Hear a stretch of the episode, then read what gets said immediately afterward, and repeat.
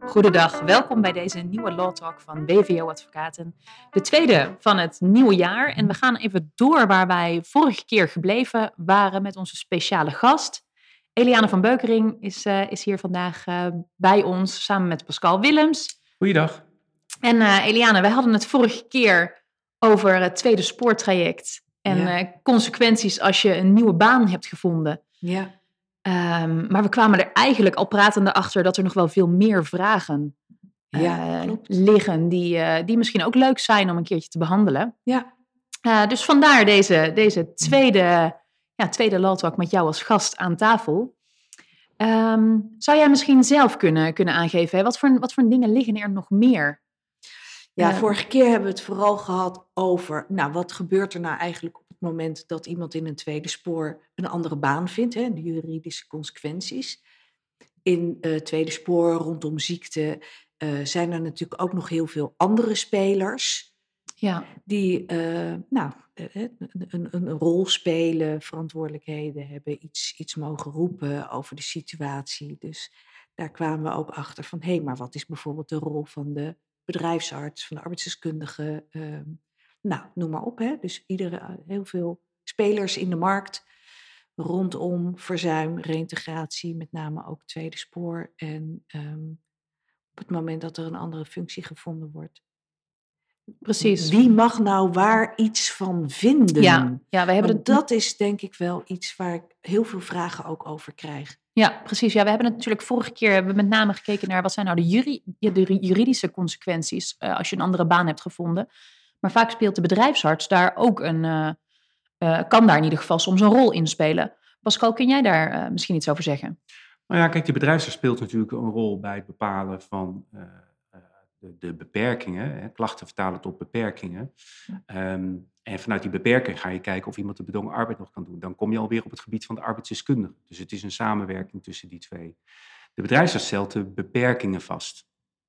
En um, dat uitgangspunt, of je dat nou in een FML of een IZP of dat BAR-document doet, of maar, um, dat, is, dat is de grondlegger tussen wat iemand dus nog kan en ja. wat hij niet kan. Um, en vanuit daar ga je kijken wat past er bij diegene aan werk. Precies. Binnen de eigen organisatie of daarbuiten. Ja. En als het goed is, uh, is het werk wat je voor iemand vindt, uh, past, uh, sluit aan bij diens beperkingen en mogelijkheden. Ja. competenties, er speelt natuurlijk nog wat meer. Um, en daar is natuurlijk de bedrijfsarts degene die dat bepaalt. Um, en ik denk nog steeds in, in samenwerking met een arbeidsdeskundige. Ja, ja, dat klopt inderdaad. En op het moment dat er nieuw werk gevonden is, dan zou je dat ook nog aan de werkgever voor, of aan de bedrijfsarts voor kunnen houden. Van joh, weet je, ik heb nu dit, dit werk gevonden. Uh, je zou eventueel nog met de bedrijfsarts en de arbeidsdeskundige kunnen overleggen of dat nieuw gevonden werk dan inderdaad past bij de, de belastbaarheid van de werknemer. Ja, het, in, in de meeste gevallen zal het de arbeidsdeskundige zijn, hè, want die doet de vertaling tussen ja. de, de beperkingen die de bedrijfsarts duidt en de, de functiebelasting. Mm -hmm. um, of de belastbaarheid van de medewerker en de functiebelasting. Maar daar komt de bedrijfsarts soms wel bij kijken, omdat de arbeidsdeskundige er ook een soort verdiepende vragen soms over uh, heeft. Dus uh, wat ik in de praktijk zie, is dat dat vaak in onderling uh, overleg gaat. Ja. Uiteindelijk bepaalt de arbeidsdeskundige natuurlijk of het werk dat wordt aangeboden, of dat passend is. Ja. ja. Um, en eigenlijk, je hebt, maar dat is vaak bij dit soort zaken zo, je hebt de drie eenheid tussen zeg maar de geneeskundige kant, wat de bedrijfsarts doet, de arbeidsdeskundige kant. En zou je kunnen zeggen de juridische kant, die drie dingen samen. Ja. Um, dus de vraag wie mag waar, er, waar iets van vinden. Ik denk, ja, wie kan ergens wat van vinden? Dat zijn die drie elementen. Ja, precies. Dus ik denk ook dat we in veel gevallen, hè, op het moment dat je uh, in een tweede spoortraject zit. Um, en er vind, je vindt een passende baan, hè, zoals, zoals Eliane uh, vertelde. Nou ja, dat je het vanuit die drie invalshoeken ook altijd even probeert te bekijken. Ja, wat vindt ja. de bedrijfsarts hiervan? Wat vindt de arbeidsdeskundige hiervan? En wat zijn de juridische uh, consequenties van, ja. uh, van deze omstandigheden? Ik denk dat het goed is om die, die in ieder geval langs te gaan. Of je altijd daar een deskundige voor moet inschakelen. Precies. Dat hangt van de situatie af. Maar ja. ik denk dat je die drie elementen wel naar uh, moet kijken. En als je een van die drie overslaat, loop je het risico dat je iets over het hoofd ziet. En dus niet meeneemt in je, in je afweging. Ja. Kijk, uiteindelijk is dat ook bij een poortwachtenbeoordeling, een rifttoets of wat dan ook. Wordt het ook via die drie dingen bekeken. Uh, Een, een UWV doet dat natuurlijk ook. Ja. En er was laatst op LinkedIn ook een discussie waarbij ik daar ook op gewezen heb. Omdat er zijn heel veel partijen die bijvoorbeeld, dus een zijstapje hoor, maar die bezwaar maken tegen een loonsanctiebeslissing. Maar die, die benaderen dat alleen vanuit hun eigen uh, kennisveld. Hè? Ja. Of je nou een verzekeringsarts hebt die daar wat van gaat vinden, of een arbeidsdeskundige. Ehm, maar dan eh, loop je het risico dat je iets mist, want het heeft een juridisch element, een arbeidsdeskundig element of een geneeskundig element, of kan Ja. het hebben. Ja. En die drie, althans zo werken wij, die drie loop je af. En als wij het vermoeden hebben bijvoorbeeld dat er een verzekeringsarts moet worden ingeschakeld, of een bedrijfsarts, dan doen we dat en dan gaan we niet zelf zitten hobbyen. Nee. Ehm, maar dat is denk ik met zo'n situatie eh, ook het geval. Ja, dus dat zijn in ieder geval de, ja, de aandachtsgebieden die je denk ik ook als tweede spoorcoach in ieder geval moet hebben om even te signaleren. Ja, in ieder geval ook zeg maar op je netvlies zou moeten hebben. Hè? Dat, dat is wat er vaak gebeurt. Dus wat ik, wat ik in de praktijk veel zie bij coaches, hè, die, die zijn dan nou, heel voortvarend bezig met een kandidaat om nou, ander werk te vinden. Maar die heeft dan, eh, of geeft aan, eh, verslechtering van, eh, van de gezondheid te ervaren. Ja, En eh, ik zie dan heel vaak dat een coach daarin meegaat. ja, En daar waarschuw ik altijd voor, joh, let nou even op. Geef alsjeblieft terug aan de werkgever of hè, aan de, aan, ook aan de desbetreffende medewerker om dat toch weer even te laten toetsen en vaststellen door de, bijvoorbeeld de bedrijfsarts. Ja. Zodat nou, bijvoorbeeld het zoekprofiel eh, aangepast kan worden in de Je moet dat objectiveren inderdaad. Hè, dat een, een medewerker een bepaalde eh, klachtenbeleving heeft. Mhm. Ehm, ja, dat, dat ligt helemaal bij die medewerker. Dat is volstrekt eh, juist. Maar de duiding daarvan, de weging daarvan, eh, dat moet je laten bij, eh, bij de arts. Die kan er wat over zeggen, maar die kan tegelijkertijd niet alleen het beoordelen, maar die kan er ook adviezen geven om. Stel dat het een opkomende klacht is waar advies over kunnen worden gegeven, om die op korte termijn weer te laten afnemen. dan heb je daar veel meer aan dan klakkeloos van die medewerker aannemen. Oké, die ervaart die en die klachten. Hè. Vaak zit het in, in de energie, dus in, eh, vertaalt zich dat tussen hoeveel uren kan je werken. Ja, Ehm, maar het, het- daarmee neem je de oorzaak natuurlijk eh, niet weg. Dus eh, dat is ook altijd de tip van kijk of je daar in goed onderling overleg met je, ar- je bedrijfsarts of je arbodienst, of je dan daar snel op kan schakelen. ja. Nou is dat vaak wat lastiger als tweede spoorcoach, omdat je op wat, wat meer afstand zit. Hè? Ja, Dus ehm, dus dan moet je het advies geven om dat Juist, te doen. Ja, Ja. precies. Om, hè, dus, dus wel weer terugverwijzen eigenlijk naar de werkgever. Ja. Van, hè, laat het alsjeblieft even toetsen, nog weer door de bedrijfsarts, eventueel eh, zelfs door de arbeidsdeskundige. Is dat correct? ja als dat echt, als, als eh, die verslechterde medische situatie inderdaad geobjectiveerd is en leidt tot een andere, ander belastbaarheidsprofiel, ja. dan zou dat ook consequenties eh, kunnen hebben voor je zoekprofiel. Ja, precies. Het is ook in het gesprek met de medewerker, denk ik, handiger. Want op het moment dat die zegt, ik ervaar die die klachten, en je gaat daar helemaal in mee en je past je zoekprofiel aan. Maar bijvoorbeeld, hè, je hebt nog niks gevonden, en die situatie heb ik een keer meegemaakt, en je eh, eh, aan het einde van de wachttijd wordt er beoordeeld, en het blijkt dat die medewerkers hun klachten niet objectiveerbaar zijn, dan heb je reintegratiekansen gemist. ja. En zo'n zaken hebben we eh, heb ik een tijdje geleden gehad, waarbij een reintegratiecoach afging op wat de medewerkers zei aan klachten, daar het zoekprofiel op aanpaste, niks kon vinden, omdat het, ja, het werd wel een heel klein zoekprofiel, zullen we maar zeggen. Ja, En eh het UWV achteraf zei van ja, maar die klachten waren helemaal niet geobjectiveerd. ja, Dus daar had je geen rekening mee hoeven houden. Dus je had veel breder moeten kijken en je had dus wel wat kunnen vinden. Ja, dan loop je ook wel eens het risico dat je als reintegratiecoach ehm, de loonsanctie al dan niet geel voor je kiezen gaat krijgen. Ja, Ik wil niet alle reintegratiecoaches en tweede spoorcoaches in dit land op stuipen jagen.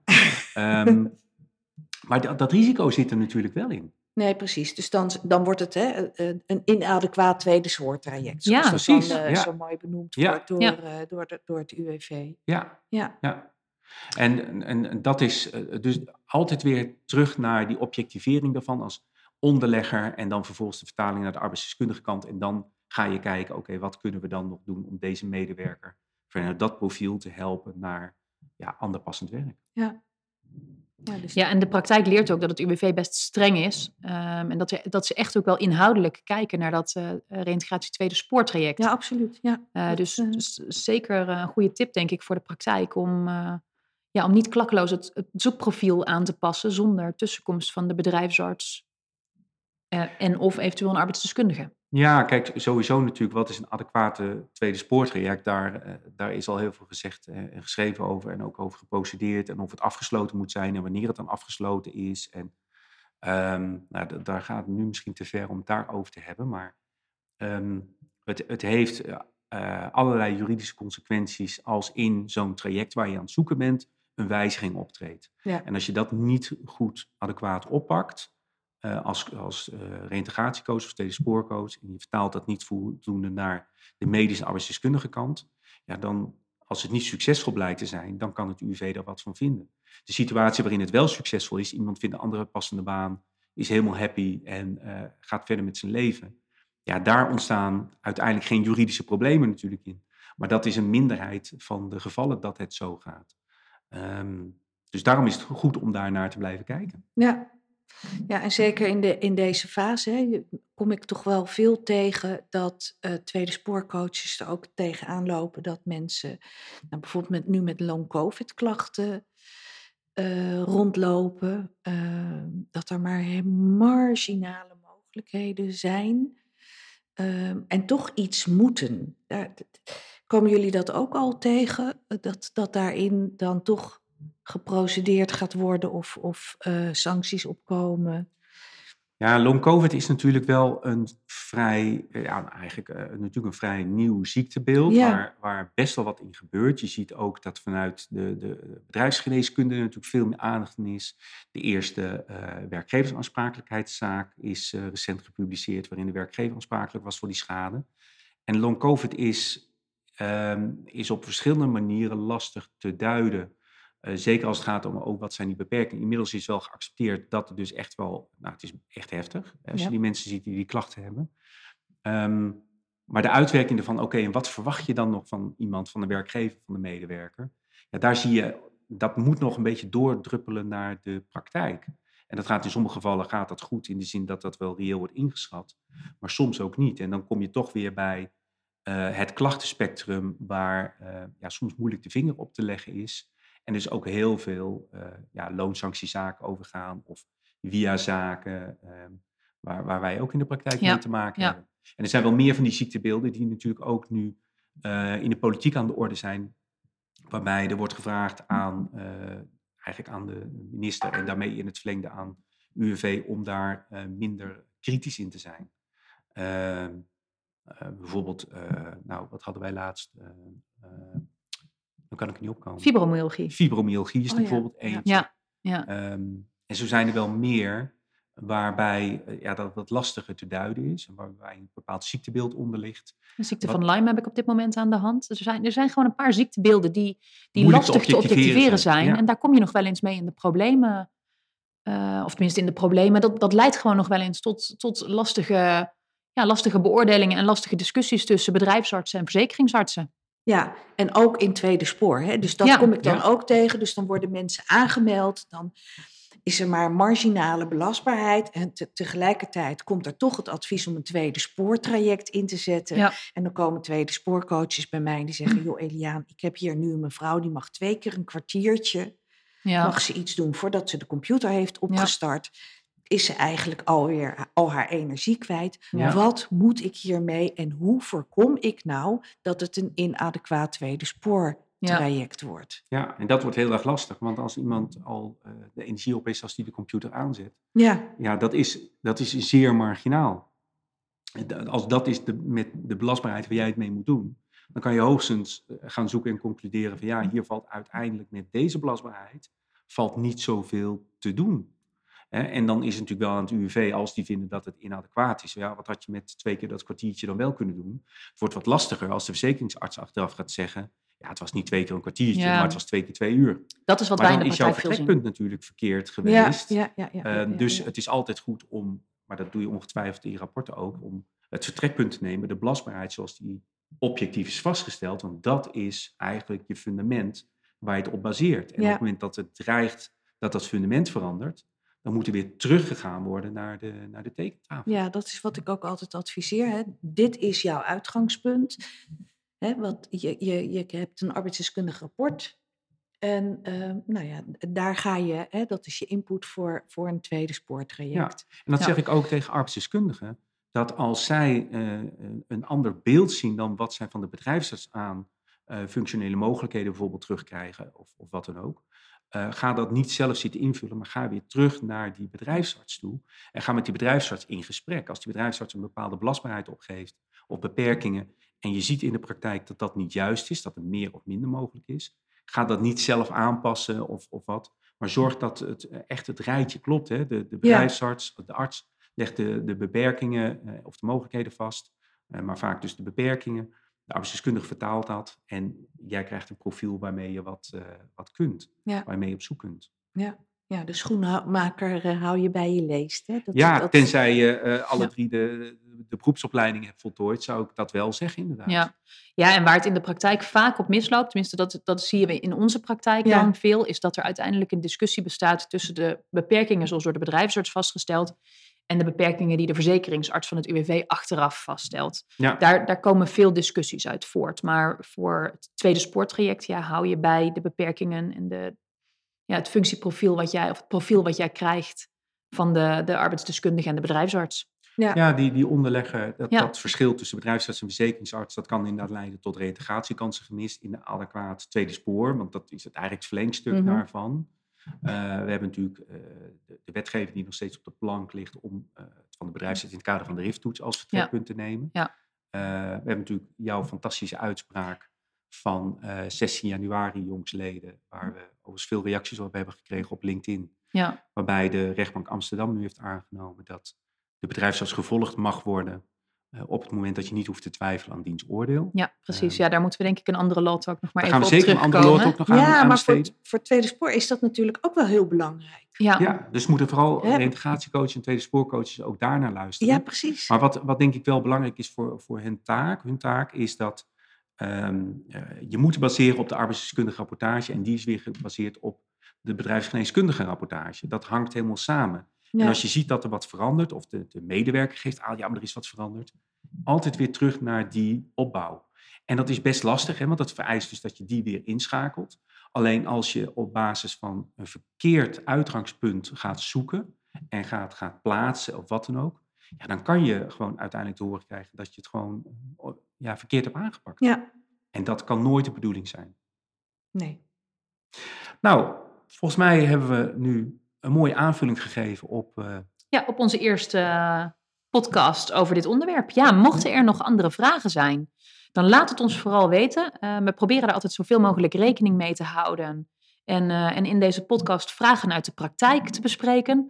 Mocht je ook zelf zeggen van, joh, ik zou echt nou ja, iets leuks kunnen inbrengen en ik zou zelf een keer willen aanschuiven als, als gast bij deze podcast, laat het ons dan ook vooral weten, want nou ja, dat vinden wij ook gezellig. Eliane, hartstikke bedankt voor je komst. Ja, Leuk dat je hebt meegewerkt Ja. aan, deze, aan deze podcast. Graag. Pascal weer bedankt en alle luisteraars bedankt voor het luisteren. Tot de volgende keer. tot de volgende keer.